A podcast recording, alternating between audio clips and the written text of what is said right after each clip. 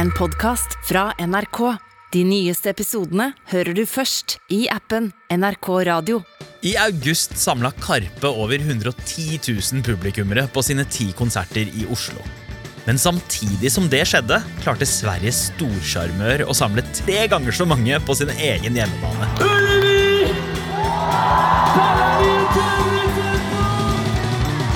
Håkan Hellstrøm inntok Ullevi stadion og knuste sin egen publikumsrekord nok en gang.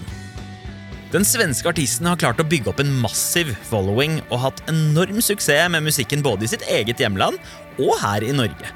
Han er rett og slett en folkehelt, som med sin naive utstråling har sjarmert flere enn noen andre artister i vår del av verden. Men veien dit har ikke vært smertefri. For Hellstrøm har flere ganger blitt beskyldt for å ljuge, og ikke minst for å stjele fra andre kjente artister. Så hvordan har egentlig Håkan Hellstrøm klart å trekke flere publikummere enn noen andre i Norden, på tross av løgn og anklager om å skamløst kopiere andres musikk og uttrykk?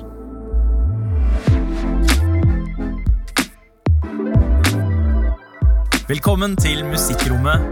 Jeg heter Sandeep Singh. Håkan Hellstrøm oppdaget jeg gjennom storesøsteren min da jeg var ganske liten.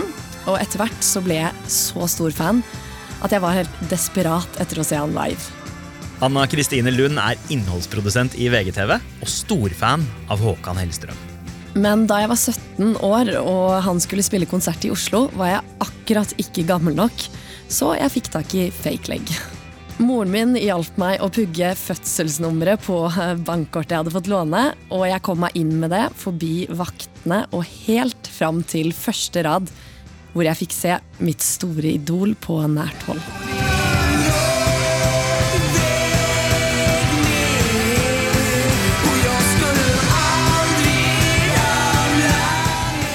Akkurat sånn må jo mange ha kjent på det de siste 20 åra, for Håkan Hellstrøm har jo blitt kongen av konserter i hele Norden. Den posisjonen han har fått i Sverige, først og fremst, men også i nabolandene, den er helt spesiell. Men at Håkan Hellstrøm skulle bli en av Sveriges desidert mest folkekjære artister, det var det ikke så mye som tyda på da vi først fikk muligheten til å bli kjent med ham. Faen vad du tjater. Nei, men du er aldri nøyd. Du får presis alt det du vil ha. Vadå får alt allt som jeg vill? Vad vet du om det? Vad fan vet du om det? Varför måste vi bo i fucking jävla kuk-Åmål? Sverige høsten 1998. Filmen Fucking Åmål har premiere. Den handler om to tenåringsjenter som begge er outsidere og drømmer om et helt annet liv, en helt annen plass. Og den blir en enorm kinosuksess i hele landet. Ja, Det ble til og med pensum her i Norge. Og den ble så stor at bandet, som har flest låter på soundtracket til filmen, får mye mer oppmerksomhet enn de har opplevd før. Og bandet, Broder Daniel, får rett og slett gjennombruddet sitt.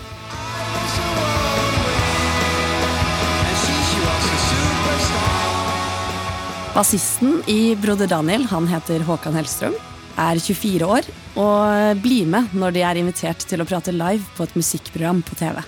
Håkan sitter ved siden av vokalisten Henrik i en sofa. De to mørkledde rockerne ser alt annet enn komfortable ut. Og det hjelper ikke på at programlederen også virker ganske utilpass. Hvorfor tror du at folk hater dere til å begynne med? De får gjerne hate om de vil. Hvorfor, hvorfor hater ni dem da? Henrik? Det fins mange som ikke er som oss som eh, på olika tv-program och så här. Okej. Eh, ja, det intervjuet det er jo ganske kleint. Uh, man merker jo at uh, Håkan og Henrik ikke trives sammen i studio med denne TV-programlederen, som de anser som en overlegen kulturelitefyr. De to er jo upolerte karer fra Gøteborg, og som mange andre rockere på 90-tallet så er de innadvendte, mutte, og ja, prøver å være ganske tøffe i trynet. Jag ser verkligen fram emot att eh, få se er uppträda. Ni ska köra en låt som heter Whirlwind. Säg några korta ord bara varför ni tycker att man ska stanna. Håkan? Stänga av. Håkan ber seerne skru av TV-en når programlederen spør dem hvorfor seerne skal se på TV-opptredenen deres.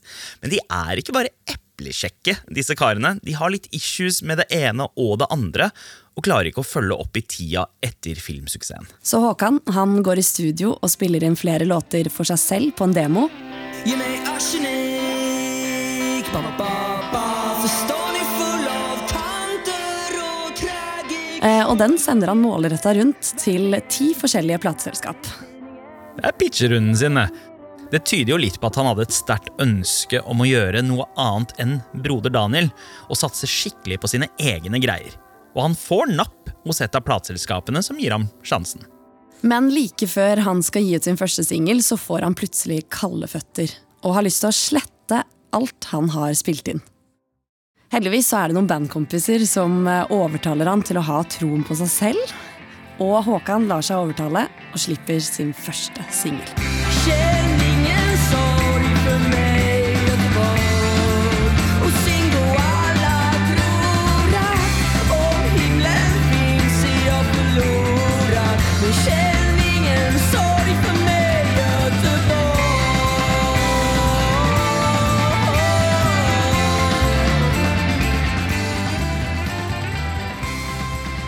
Og når svensk P3 begynner å spille musikken hans på radio, er solokarrieren i gang. Og høsten år 2000 er Håkan Hellstrøm klar med sitt aller første soloalbum. Og for en pangdebut!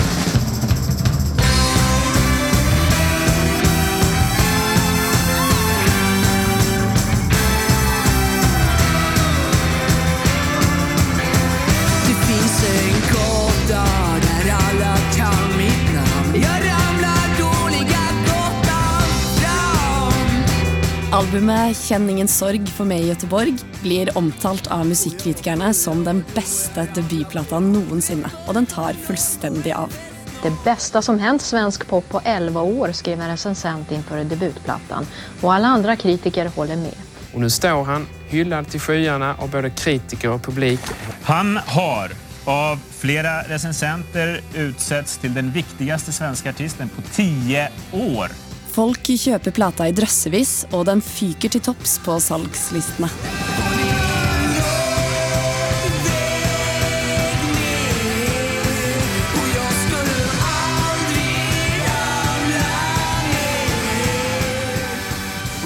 Ja, for Mange kjenner seg igjen i musikken på den plata. Tekstene appellerer til unge og alle som en gang har vært unge.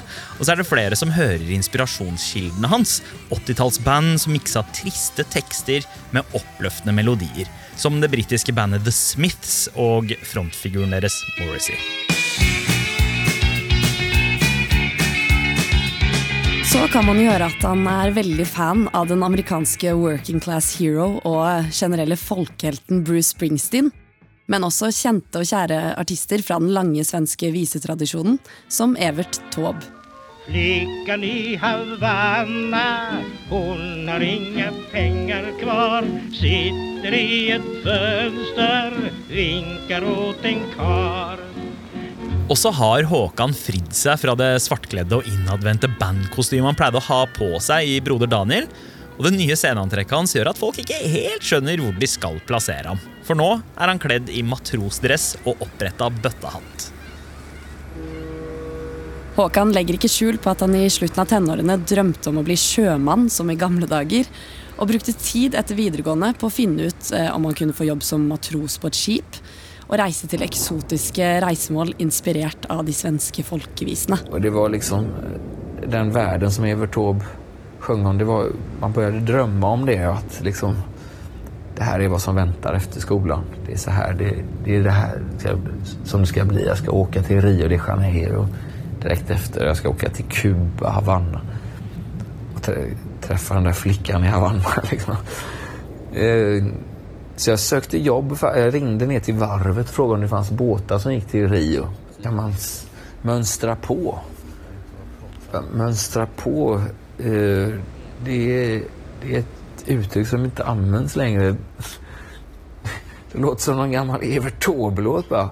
Og som de svenske folkevisesangerne så holder Håkan seg til morsmålet. Noe som var helt i strid med det internasjonale ambisjonsnivået på skandinaviske artister den gang. Man trodde jo at man måtte synge på engelsk for å nå ut til alle der ute og hjemme. Men på svensk gir Håkan folk en følelse av nærhet og trygghet, men også en følelse av noe de har hørt før. Og han blir elsket fra start. Ja, han blir jo hyllet overalt i Norden, og selvfølgelig i hele Sverige, men kanskje spesielt i hjembyen Göteborg. For der blir han jo opphøyd til et fremtredende bysbarn når han i 2001 mottar prisen for Årets göteborgere. og får TV på besøk hjemme på hybelen. Her kan man ikke fastne i resten av livet. Hvor stort er det? Det er 25 kvadrat. Og jeg mistenker at hallen tar opp omtrent 12 kvadrat. Det her er hva jeg ser hver morgen når jeg tittar ut gjennom fönstret. Nya Ullevi. Det er sånn der oppmuntrende. Det er en sementkoloss som ikke er så himla fin, faktisk. Han bor rett ved siden av den største konsertarenaen i Sverige, der helten hans eh, Bruce har publikumsrekorden. Og Håkan han har jo ikke i nærheten av så mange fans i starten av solokarrieren. Men de blir stadig flere, spesielt når Håkan blir med på svenskenes tradisjonsrike og folkelige TV-program Allsang på Skansen. Som jo er svenskenes Allsang på grensen. Nå skal de få møte en god gubbe. Håkan Hellstrøm.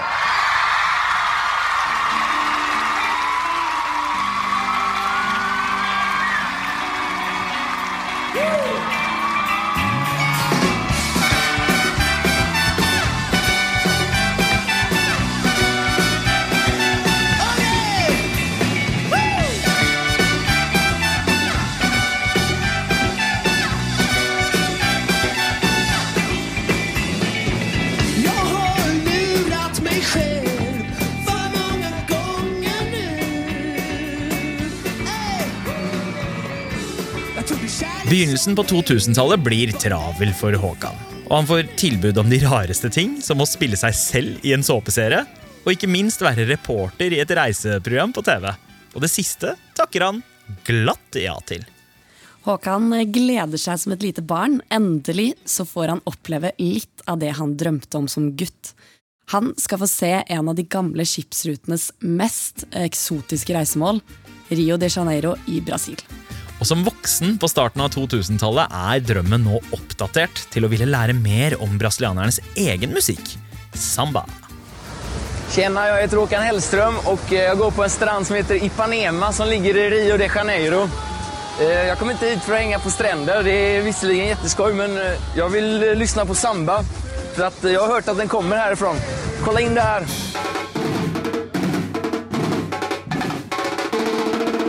Sammen med TV-teamet drar de på konserter og klubber. De danser til de oppløftende sambatonene til langt ut på natta, og det oppstår søt musikk.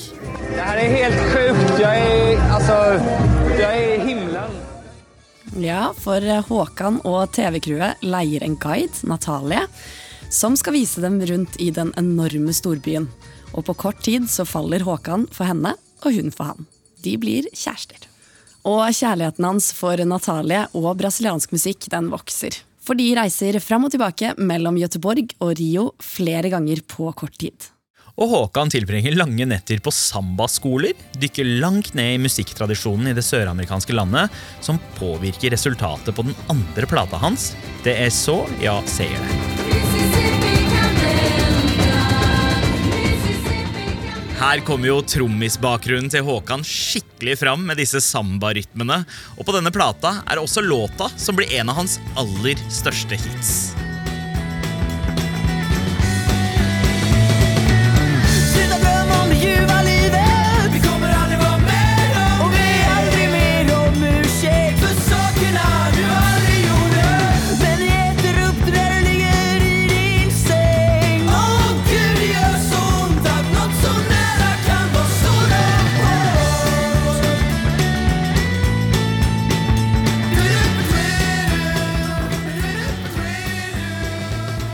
Denne låten her smitter jo over på siste rest av de som ikke ennå har latt seg overbevise.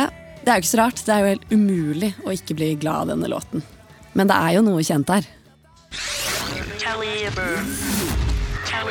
Kan jeg bare spørre deg, liksom, eh, det, det minner meg litt grann om Come On Eileen med Dexy Midnights uh, Runner. Har du hatt den låta i bakhodet, eller? Det kan jeg ikke alls forstå kopplingen til. Nei, jeg skojar. Jo, men, det, nej, men jeg, jeg elsker Dexys, altså. Det gjør jeg. Når jeg gjorde Kom igjen, Lena, så, så tenkte jeg ikke på det. Det er først senere som jeg kom på at det, at det kanskje har noe med Dexys å gjøre. Og med andreplata så får alle som hører nøye etter, litt flere eksempler på at musikken til Håkan høres veldig kjent ut.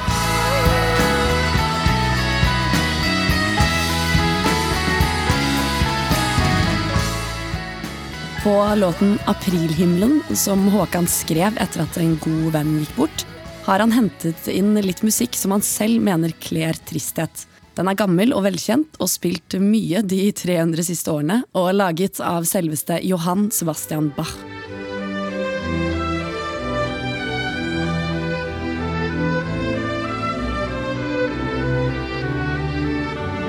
Og dette føyer seg inn i rekka av låter der Håkan har henta inspirasjon, for å si det pent. Andre er ganske stygge med han og slenger ut påstander om stjeling og plagiat. Blant annet hans egen gitarist kaller han for Sveriges største tyv, etter at han sluttet i bandet. Og de forskjellige eksemplene blir etter hvert samlet på en nettside, Håkan Helstøld, som eh, jo betyr eh, Håkan helstjålet på norsk, eh, og det er jo tydelig at Håkan i alle fall har lånt litt, med eller uten tillatelse.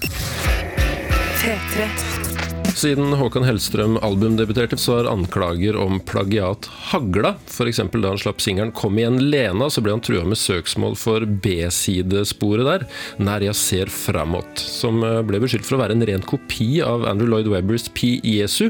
Og det endte med at eh, de trakk tilbake den låta. Han innrømte at eh, ja, han hadde hørt på den, og han hadde stjålet, men han trodde han hadde skjult det litt bedre enn han gjorde.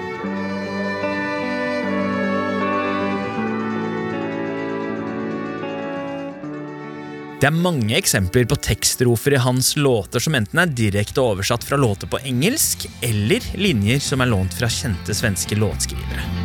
Ta meg til kjærlighet, ta meg til dans. Gi meg noe som tar meg.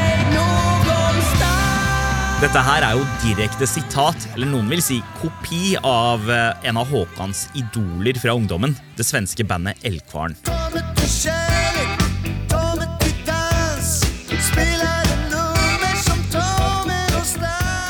Og de som sto bak nettsiden, viser at musikken til den låta er sterkt inspirert av et gammelt Sega-spill, Sonic the Hedgehog.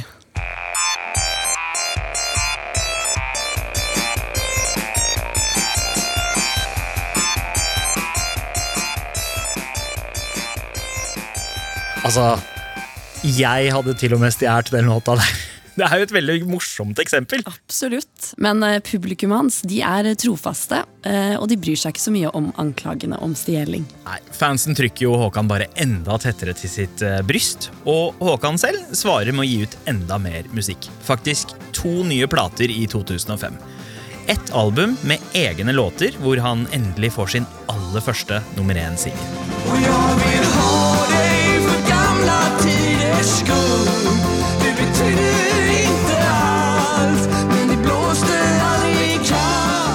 Plate to inneholder bare coverlåter som dedikeres til en 13-årings tragiske skjebne.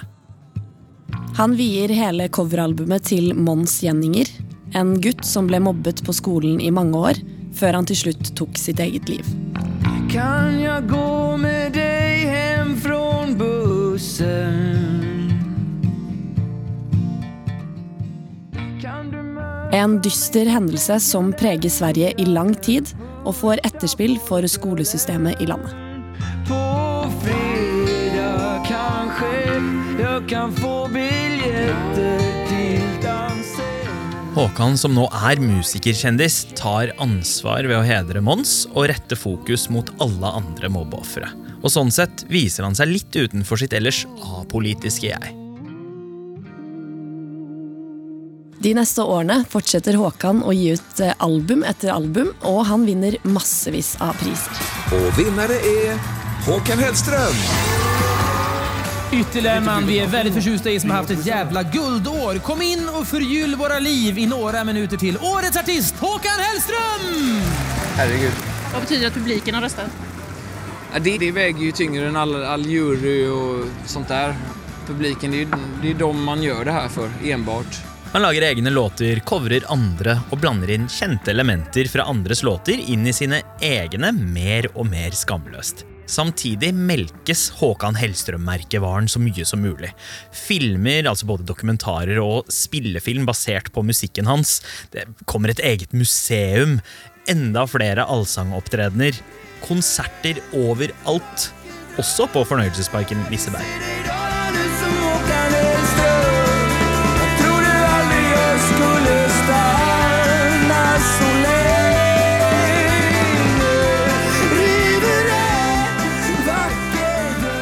Han begynner å spille på en liten idrettsstadion i hjembyen Gøteborg, og gjør det til en årlig greie. Publikummet til Håkan det vokser for hvert år, og i 2014 så er det så sykt mange som vil se han opptre live, at han må flytte konserten sin til Ullevi, den store arenaen han bodde rett ved siden av da han slo igjen. Og den sommeren setter Håkan ny rekord i antall publikummere på stadionkonsert i Norden. Nesten 70 000 på én dag. Og selv med et fullsatt stadion gir Håkan uttrykk for at han føler seg veldig heldig som får spille for så mange.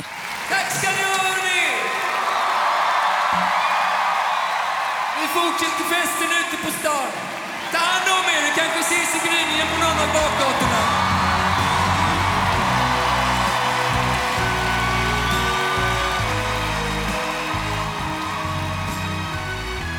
Og etter den konserten viser Håkan også hvor vanlig han er.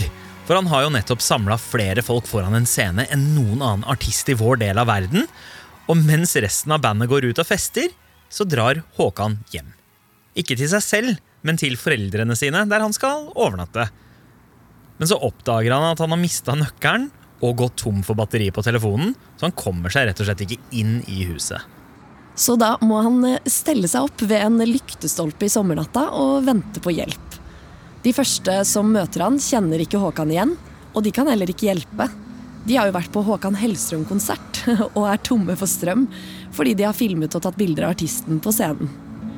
Redningen for Håkan blir til slutt en 17 år gammel fan, som ikke bare kjenner han igjen, men rett og slett gir han muligheten til å lade mobilen sin hjemme på kjøkkenet sitt, og til slutt ringer pappa. Altså, Håkan. Han er jo like lokete som oss vanlige folk. Men noe han ikke loker med, er livekonsertene. De vokser jo bare for hvert år. Og han slår sin egen rekord gang på gang.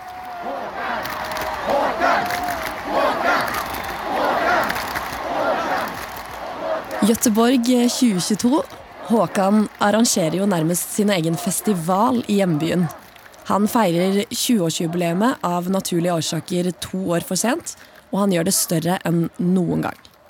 Ullevi er blitt hans egen hjemmebane. Og Håkan har satt opp fire konserter i løpet av en drøy uke på seinsommeren. Og du var jo på en av de siste, Anna. Hvordan var det å være i Gøteborg eh, siste helga i august? Det var rett og slett folkefest. Jeg følte hele Sverige var der, og stor del av Norge også. Overalt så kunne man høre Håkan Hellstrøm-musikk og se folk gå rundt i matrosdrakter eller Håkan-merch. Så det var liksom en blanding av 17. mai og julaften og midtsommer og alt på en gang.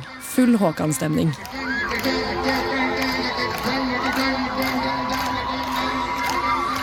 Og da Håkan entret scenen, så var det en sånn lykkerus i publikum. En ekstase. Han har jo blitt mer eh, show enn noensinne. Det føltes ut som bare alle i publikum var der for å bare suge til seg livskraften til Håkan Hellstrøm. Han er en skikkelig entertainer. Danser rundt, gjør liksom moonwalk à la Michael Jackson.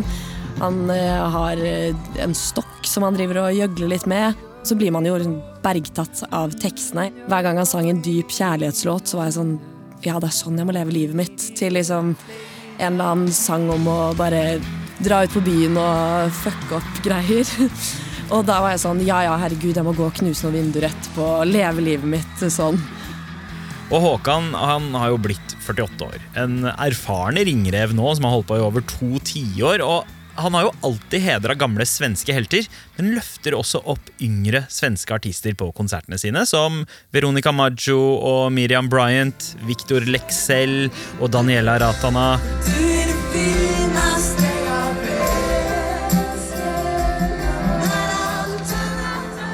Og i år hadde han i tillegg en helt annen overraskelse. Ja, den eh, gjesteartisten han kanskje fikk mest oppmerksomhet for å ta med opp på scenen i sommer. Hun eh, kan vel kalles verdens mest kjente tenåring.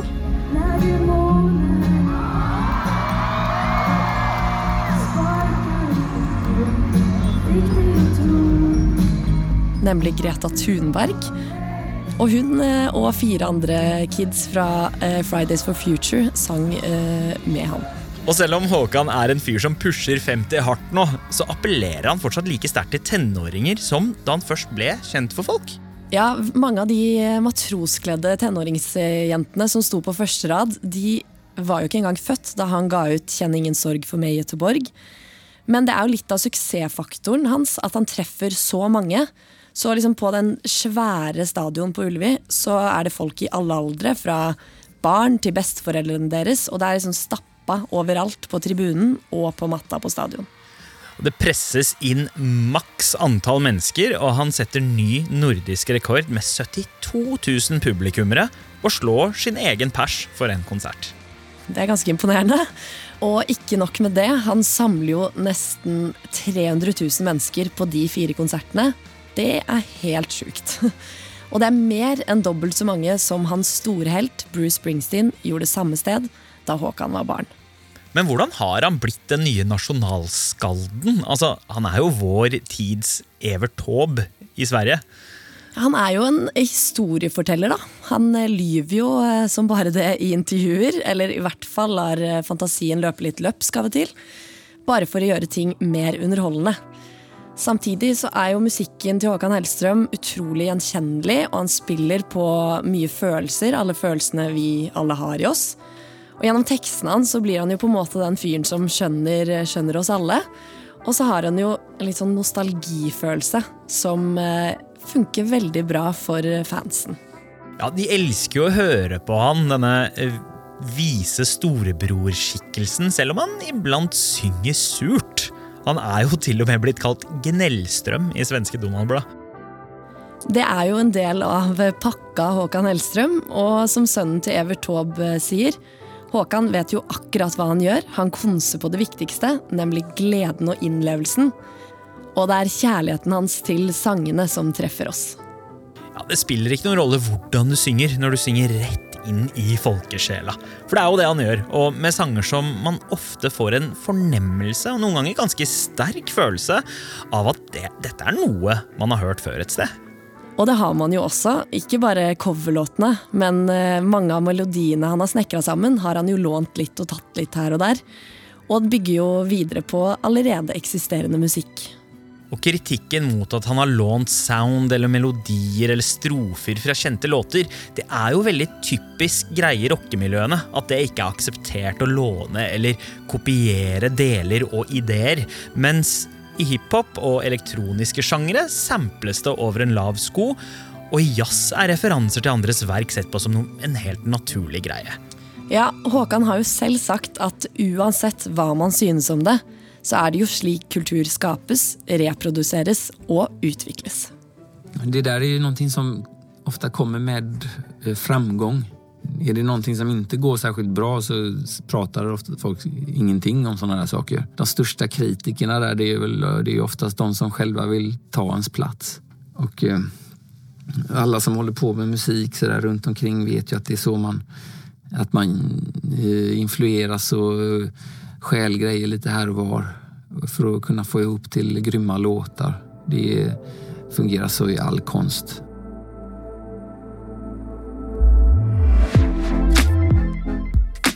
Du har hørt en episode av Musikkrommet. Hvis du likte det du hørte, anbefal oss gjerne til en venn. Takk til gjest Anna Kristine Lund.